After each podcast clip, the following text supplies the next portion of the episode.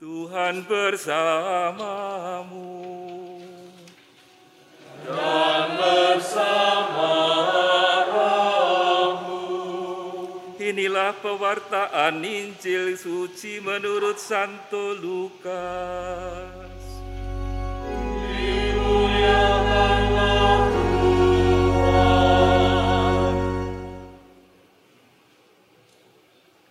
Sekali peristiwa Yesus berkata kepada orang-orang Farisi, "Ada seorang kaya yang selalu berpakaian ungu dari kain halus dan setiap hari ia bersukaria dalam kemewahan. Ada pula seorang pengemis bernama Lazarus, badannya penuh dengan borok. Ia berbaring dekat pintu rumah orang kaya itu dan ingin menghilangkan laparnya dengan apa yang jatuh dari meja orang kaya itu. Malahan anjing-anjing datang dan menjilati boroknya. Kemudian matilah orang miskin itu dan dibawa oleh malaikat-malaikat ke pangkuan Abraham. Orang kaya itu juga mati lalu dikubur. Sementara menderita sengsara di alam maut, ia memandang ke atas dan dari jauh dilihatnya Abraham dan Lazarus duduk di pangkuannya. Lalu ia berseru, Bapak Abraham, kasihanilah aku Suruhlah Lazarus supaya ia mencelupkan ujung jarinya ke dalam air dan menyejukkan lidahku, sebab aku sangat kesakitan dalam nyala api ini. Tetapi Abraham berkata, Anak, ingatlah, engkau telah menerima segala yang baik semasa hidupmu, sedangkan Lazarus segala yang buruk. Sekarang di sini dia mendapat penghiburan, dan engkau sangat menderita. Selain itu, di antara kami dan engkau terbentang jurang yang tak terseberangi, supaya mereka yang mau pergi dari sini kepadamu, ataupun mereka yang mau datang dari situ kepada kami, tidak dapat menyeberang. Kata orang itu, kalau demikian, aku minta kepadamu Bapa, supaya engkau menyuruh dia ke rumah ayahku, Sebab masih ada lima orang saudaraku, supaya memperingatkan mereka dengan sungguh-sungguh, agar mereka kelak jangan masuk ke dalam tempat penderitaan ini. Tetapi kata Abraham, mereka memiliki kesaksian Musa dan para nabi. Baiklah mereka mendengarkannya.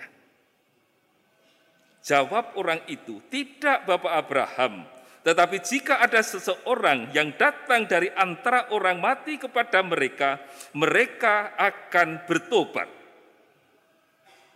Kata Abraham kepadanya, jika mereka tidak mendengarkan kesaksian Musa dan para nabi, mereka tidak juga akan mau diyakinkan sekalipun oleh seorang yang bangkit dari antara orang mati. Demikianlah sabda Tuhan. Terpujilah Kristus.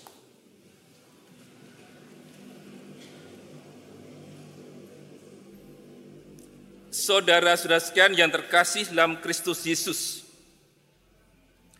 Pada akhir Injil kita mendengar kata-kata ini. Jika mereka tidak mendengarkan kesaksian Musa dan para nabi, mereka tidak juga akan mau diyakinkan sekalipun oleh seorang yang bangkit dari antara orang mati. Kata-kata ini merupakan jawaban Bapak Abraham kepada orang kaya di dalam perumpamaan. Dan dalam awal Injil kita mendengar perumpamaan ini disampaikan oleh Tuhan Yesus kepada orang Farisi. Apa sebenarnya yang menjadi duduk persoalannya? Bacaan-bacaan yang baru saja kita dengar kiranya sedikit banyak menjelaskan persoalan yang dihadapi oleh orang-orang Farisi tetapi juga kiranya bagi para pendengar Injil Lukas berarti termasuk kita pada zaman ini. Dalam bacaan pertama, Nabi Amos mengkritik orang-orang yang hidup dalam kemewahan secara berlebihan. Sama sekali tidak turut merasakan situasi di sekitarnya. Yesus dengan perumpamaan juga ingin menyampaikan gambaran yang kurang lebih sesama, tetapi secara lebih konkret dengan kontras yang lebih tajam.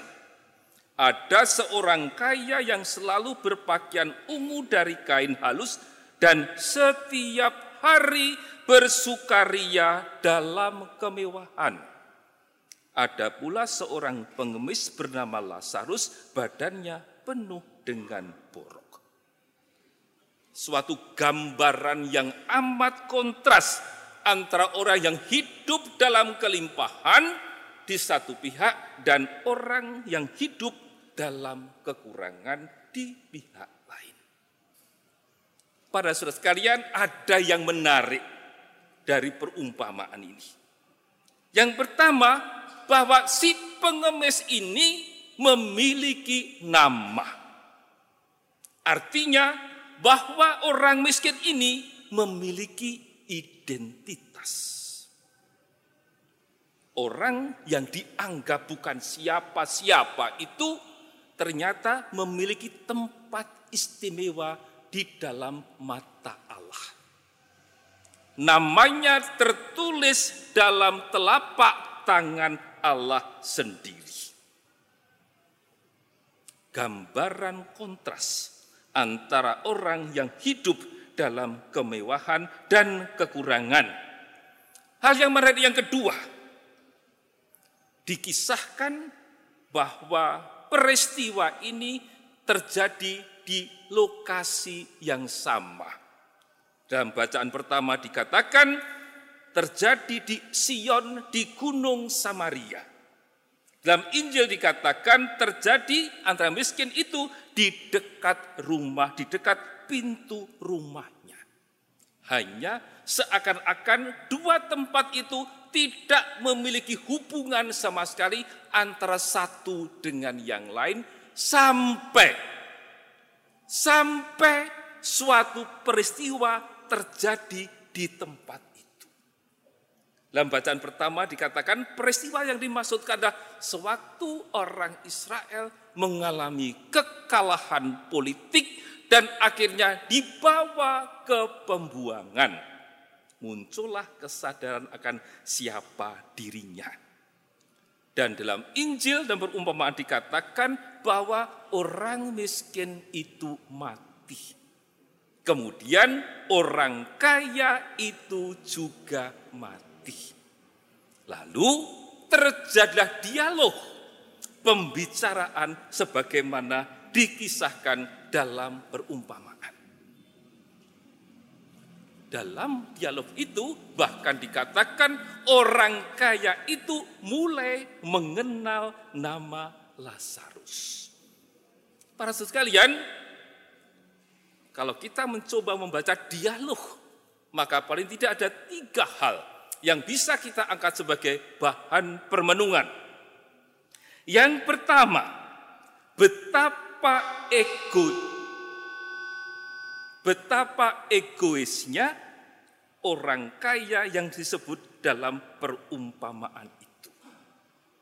Dirinya, keluarganya, kepentingannya menjadi pusat dari segala dialog itu.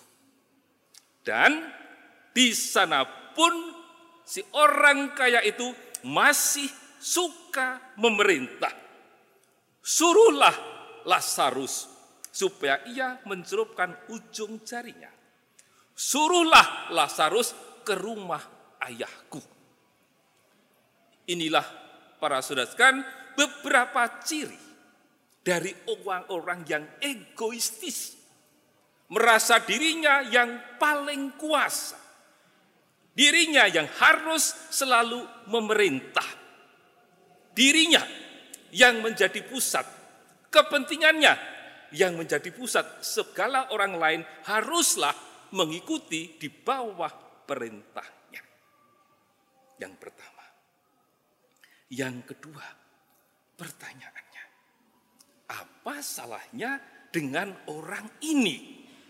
Apa dosanya dengan orang kaya dalam perumpamaan ini? Apakah melulu dia berdosa, dia bersalah karena egoistis? Ternyata tidak. Para saudara sekalian, ada yang lebih perah, lebih parah daripada sekedar egoistis. Salahnya, dosanya adalah bahwa orang kaya itu tidak melakukan apa-apa pada sesama. Orang kaya dalam perumpamaan itu tidak berbuat sesuatu pun untuk sesamanya. Dengan kata lain, karena menjadikan dia sebagai pusat dari segala seluruh dunia ini, sampai-sampai ia tidak bisa melihat ada orang lain di sekitarnya. Karena dia begitu sibuk dengan kepentingannya sendiri, sampai-sampai matanya. Tidak mampu melihat kehadiran orang di sekitarnya. Saudara-saudara sekalian, kita pasti mengalami bagaimana orang ini orang ini menganggap orang lain orang lain itu tidak dianggap. Dianggap tidak ada. Yang ada hanya dirinya dengan segala kepentingannya ciri khas orang yang egoistis itu yang kedua permenungan yang ketiga para saudara sekalian bahwa masing-masing dari kita ini diberi anugerah yang cukup sesuai dengan keadilan Allah. Ada yang diberi banyak, ada yang diberi sedikit. Namun anugerah-anugerah itu diberikan kepada kita supaya kita saling berbagi. Supaya satu sama lain saling melengkapi diri. Dengan demikian anugerah-anugerah itu dipakai agar kehidupan kita bersama menjadi lebih baik. Agar dunia ini menjadi lebih nyaman untuk tinggal kita bersama sebagai rumah kita bersama. Dan kalau kita perhatikan para saudara sekalian dalam perumpamaan tadi sampai akhir perumpamaan sampai akhir dari dialog orang kaya itu tidak bisa merasa salah. Orang kaya itu tetap egois, merasa dirinya benar. Dan Bapak Abraham harus melayani kebutuhannya. Inilah bahaya di unjung sikap egoistis. Sikap orang yang sibuk dengan dirinya sendiri. Sampai-sampai hatinya hatinya terkunci. Inilah kematian suara hati. Kalau suara hati sampai mati, maka itulah sebuah tragedi kemanusiaan. Para saudara sekalian, bacaan-bacaan hari mengingatkan kita bahwa Yesus Tuhan tidak mengkritik kekayaan. Tidak. Yang dikritik oleh Tuhan adalah kemewahan yang berlebihan. Sampai-sampai kita lupa diri. Lupa bahwa ada orang lain di sekitar kita yang masih jauh dari kecukupan. Dan dalam hal ini Bapak Suci, Paus Fransiskus dengan sederhana jelas mengingatkan kita semua Bapak Suci mengatakan untuk melatih diri kita dengan tindakan yang sangat sederhana. Jangan sekali-kali membuang makanan. Pesan sederhana amat konkret. Jangan sekali-kali membuang makanan. Para saudara sekalian, masih ada Lazarus-Lazarus di sekitar kita. Kita berdoa, semoga gereja lewat karya-karya dan pelayannya masih mampu melihat kehadiran Lazarus-Lazarus di zaman kita. Dan untuk kita sendiri, masing-masing dari kita memiliki anugerah, memiliki rahmat, entah itu talenta, entah itu kekayaan, entah itu kecukupan, entah apa pun bentuknya. Kita diundang untuk siap, berani, dan rela untuk berbagi. Cinta itu terwujud waktu kita berbagi satu sama